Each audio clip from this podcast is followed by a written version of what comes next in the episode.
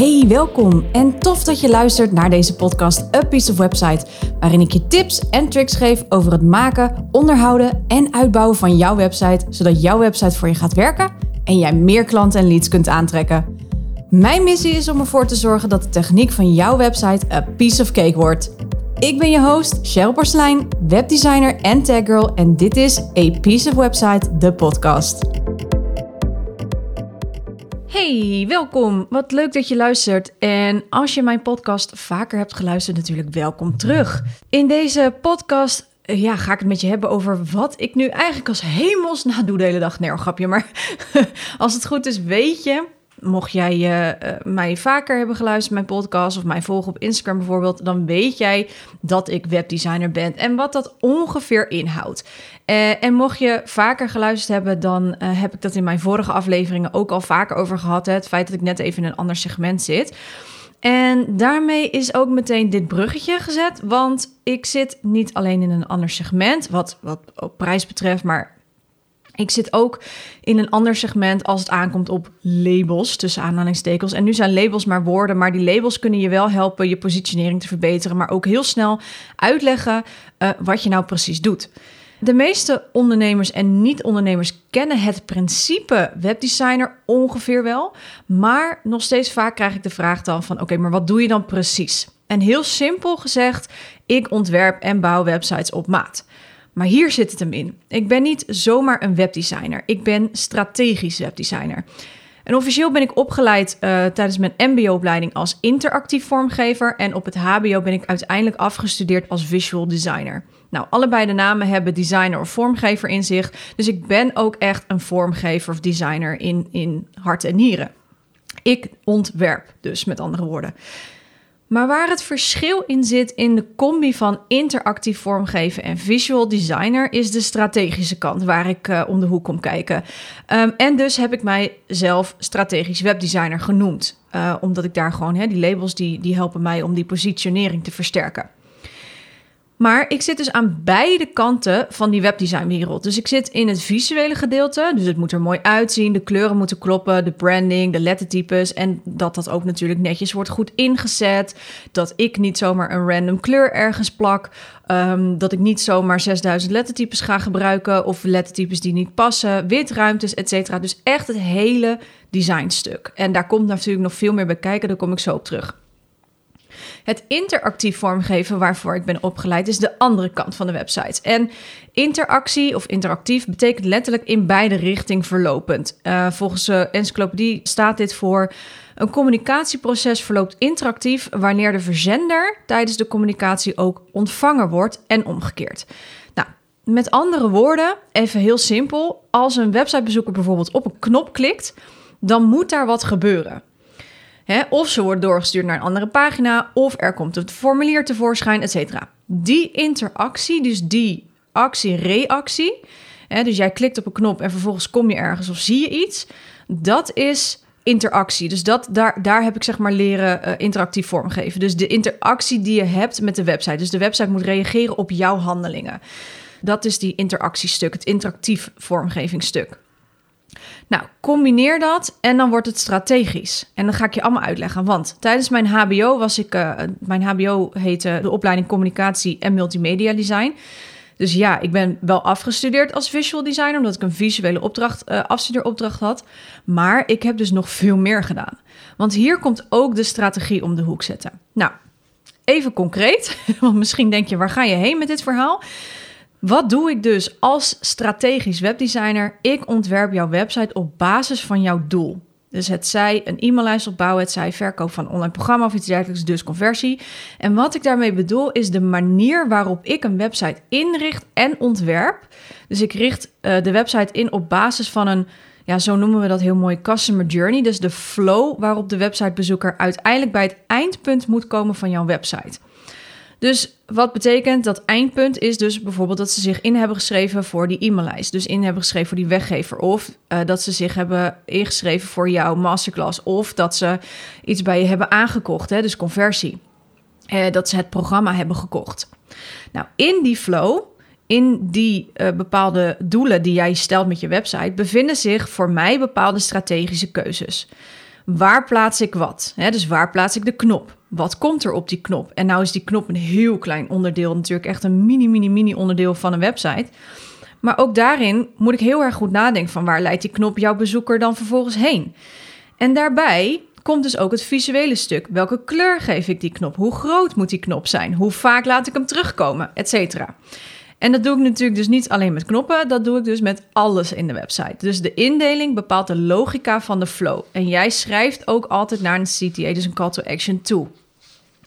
Nou, en ook hierin onderscheid ik mij dus uh, van andere webdesigners. En um, dat komt ook doordat ik echt een website zie als een marketing tool hè? Uh, en niet als een visitekaartje. En dat komt ook omdat ik vind, dit is mijn visie hierop, is de concurrentie nowadays is echt te hoog om een visitekaartje te hebben als een website. Denk aan als je bijvoorbeeld uh, adverteert via Facebook of Instagram. Hè, die concurrentie is enorm. Je hebt een prachtig e-book gemaakt en je wilt je e-maillijst dus opbouwen. Nou, dan is het dus wel noodzaak dat jij die pagina waar men op landt zodanig strategisch inricht dat men niet nog eens hoeft te zoeken en extra tijd hoeft te besteden naar waar ze het e-book nou kunnen aanvragen. Dus ook daarin is een strategisch blik, een strategische blik op één pagina, maar dus ook op de hele website, is dus van noodzaak. Dus elke pagina, elke website heeft zijn eigen strategische en designkeuzes. Omdat elke website ook uniek is. De een heeft meer een platform en wil dat men via de blogs contact met hen opneemt, op bijvoorbeeld, dus dat het uh, een kennismakingsgesprek wordt.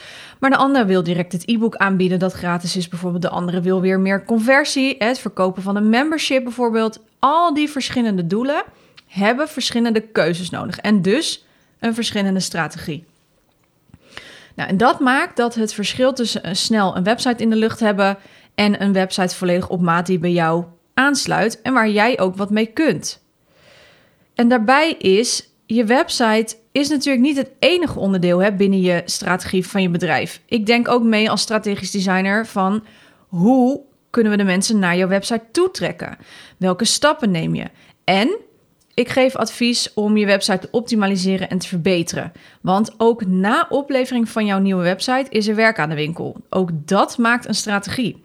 Want na oplevering ga je testen en ga je meten. Hè, ga je kijken wat werkt wel, wat werkt niet. En vervolgens ga je wat niet werkt, ga je weghalen. Of je kan ervoor kiezen om natuurlijk het te gaan verbeteren. Maar wat wel werkt, daar ga je meer van doen. Net zolang totdat jij het doel hebt bereikt die je gesteld had. En elke keer als je een doel hebt bereikt, kun je die ook weer verhogen, vergroten, veranderen. En moet je die cirkel, dus dat testen en meten, ga je opnieuw doen. Dus het is een iteratief proces, zoals we dat mooi noemen. Nou, wat ik hoop te bereiken met deze aflevering is jou vooral te laten inzien, het zij als ondernemer die nul verstand heeft van websites, maar ook als jij luistert en jij bent wel webdesigner, dat een website veel meer is. Hè? En dat een website te alle tijden met je mee moet groeien, bij je past, ingericht is op een doel en dus een purpose heeft, een doel heeft. Als webdesigners zijn wij namelijk het verplicht aan onze klanten om dat voor hen te doen. En het maakt overigens daarom een groot verschil met het tijdsframe dat een website designer hanteert. Mijn trajecten bijvoorbeeld duren vaak uh, alleen al 8 tot 10 weken en soms wel eens langer, afhankelijk van hoeveel we moeten doen, wat er allemaal gedaan moet worden, maar ook natuurlijk de snelheid van uh, de feedback die ik moet ontvangen, et cetera. Dat alles heeft te maken met hoe lang een uh, traject loopt. Maar ik ben al meestal al 1, 2 weken bezig met het design. Met de strategische keuzes en de designkeuzes die ik moet doen om die website te gaan bouwen straks.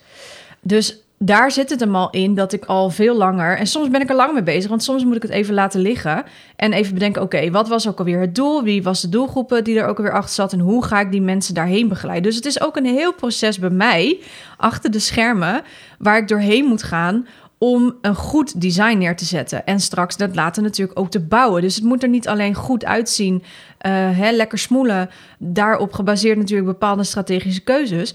Maar straks als ik het ga bouwen, moet het natuurlijk ook wel werken zoals ik het heb ontworpen. Dus het moet ook natuurlijk daarin ook, die strategie moet ook weer terugkomen in het feit dat er, als er op een knop geklikt wordt, of als er een contactformulier wordt ingevuld, dat dat ook moet werken. En dat dat ook goed en veilig moet werken. Dus er gaat zoveel meer schuil achter uh, een website. En ik kan me heel goed voorstellen dat jij als ondernemer die niet iets met websites te maken wil hebben of dat helemaal niet leuk vindt, dat jouw hoofd daar heel erg van spint.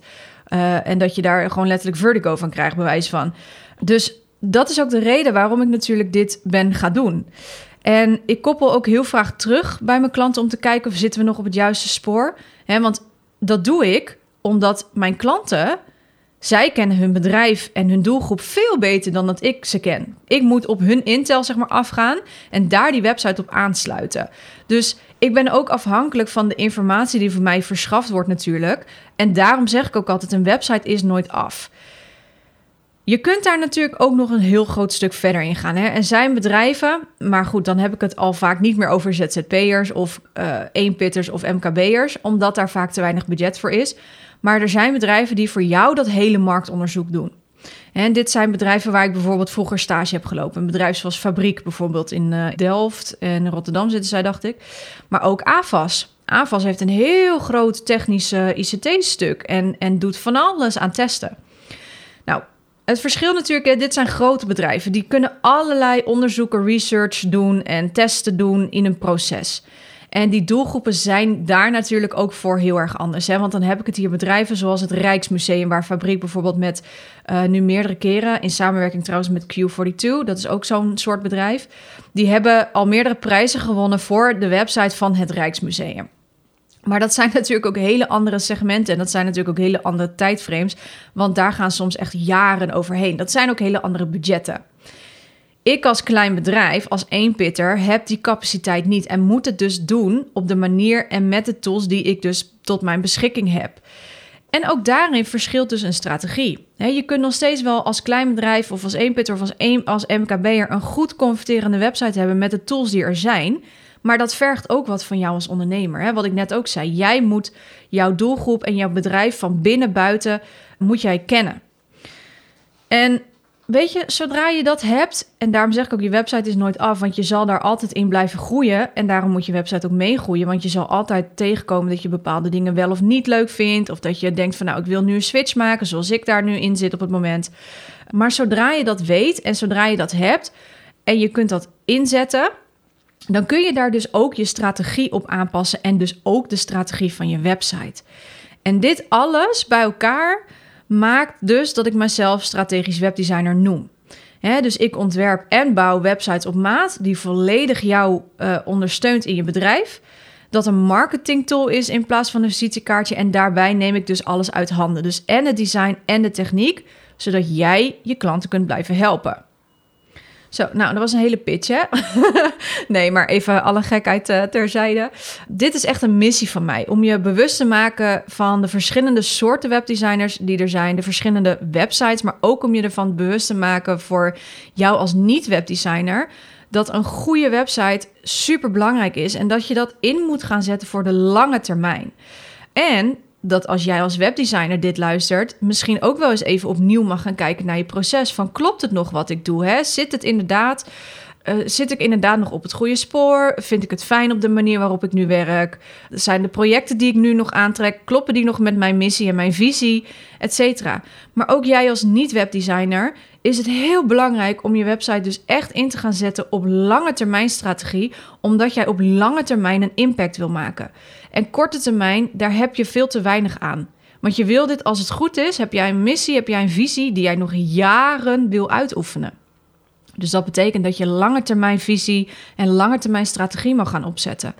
En door dat te doen en door jouw website daar zo op te laten inrichten, of als je natuurlijk zelf daar goed in bent, kun je kiezen natuurlijk voor om dat zelf te doen. Ook helemaal goed.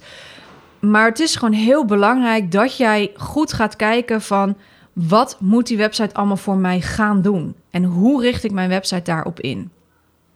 Nou, doe ermee wat je wilt natuurlijk uiteraard, hè, maar wees je dus gewoon wel van bewust. En inzicht is het halve werk, zegt een goede vriendin van mij altijd. Dus weet je, kijk gewoon naar wat er wel kan. Kijk vooral naar wat je wil. Kijk vooral naar je visie. Ga even terug naar, naar je basis en kijk of je nog op het goede spoor zit. Ik denk dat dat vooral het belangrijkste is.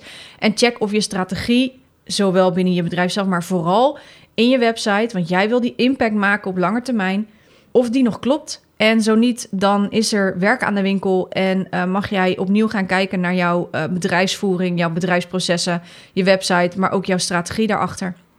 Dus, nou, Mocht je het met mij willen hebben over je website, dan laat me gerust weten. Je bent altijd van harte welkom. Je kan me altijd een DM sturen via Instagram bijvoorbeeld. Of een mailtje sturen naar cheryl.cprecision.nl. Dit was mijn presentatie. nee, grapje. Maar ik wens je wel een hele fijne dag. Tot de volgende aflevering, die overigens gaat over mijn volledige proces. Dus ik ga je dan vertellen hoe zo'n traject in de praktijk werkt bij mij. Maar tot die tijd zeg ik tot snel, fijne dag en uh. Doeg! Wacht! Voor je deze podcast helemaal afsluit, ik heb nog iets heel tofs voor je. De gratis website snelheidscheck staat voor je klaar. Een snelle website is namelijk van belang, want wist je dat 79% van je bezoekers niet meer terugkeren naar je website als deze te traag laat? Dat percentage is echt mega hoog. Maar hoe weet je of je website snel genoeg is? En wat moet je doen als je website dat niet is? No worries, daarom heb ik de website snelheidscheck in het leven geroepen.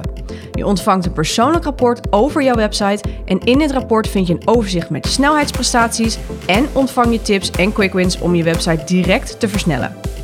Je kunt de website snelheidcheck volledig gratis aanvragen via www.apieceofwebsite.nl/snelheidscheck.